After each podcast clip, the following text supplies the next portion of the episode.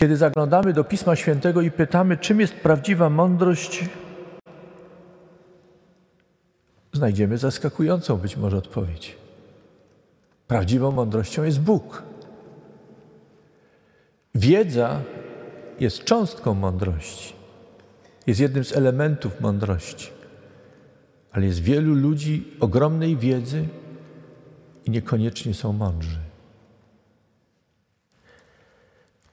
Kto chce być mądry i kto chce wzrastać w mądrości, powinien trwać na drodze poznawania Pana. A im bliżej jesteśmy Pana, im mocniej i głębiej Go poznajemy za Jego łaską, zbliżamy się do źródła mądrości. Mądrość definiowana bez Boga, z wykluczeniem Boga, jest zaprzeczeniem mądrości.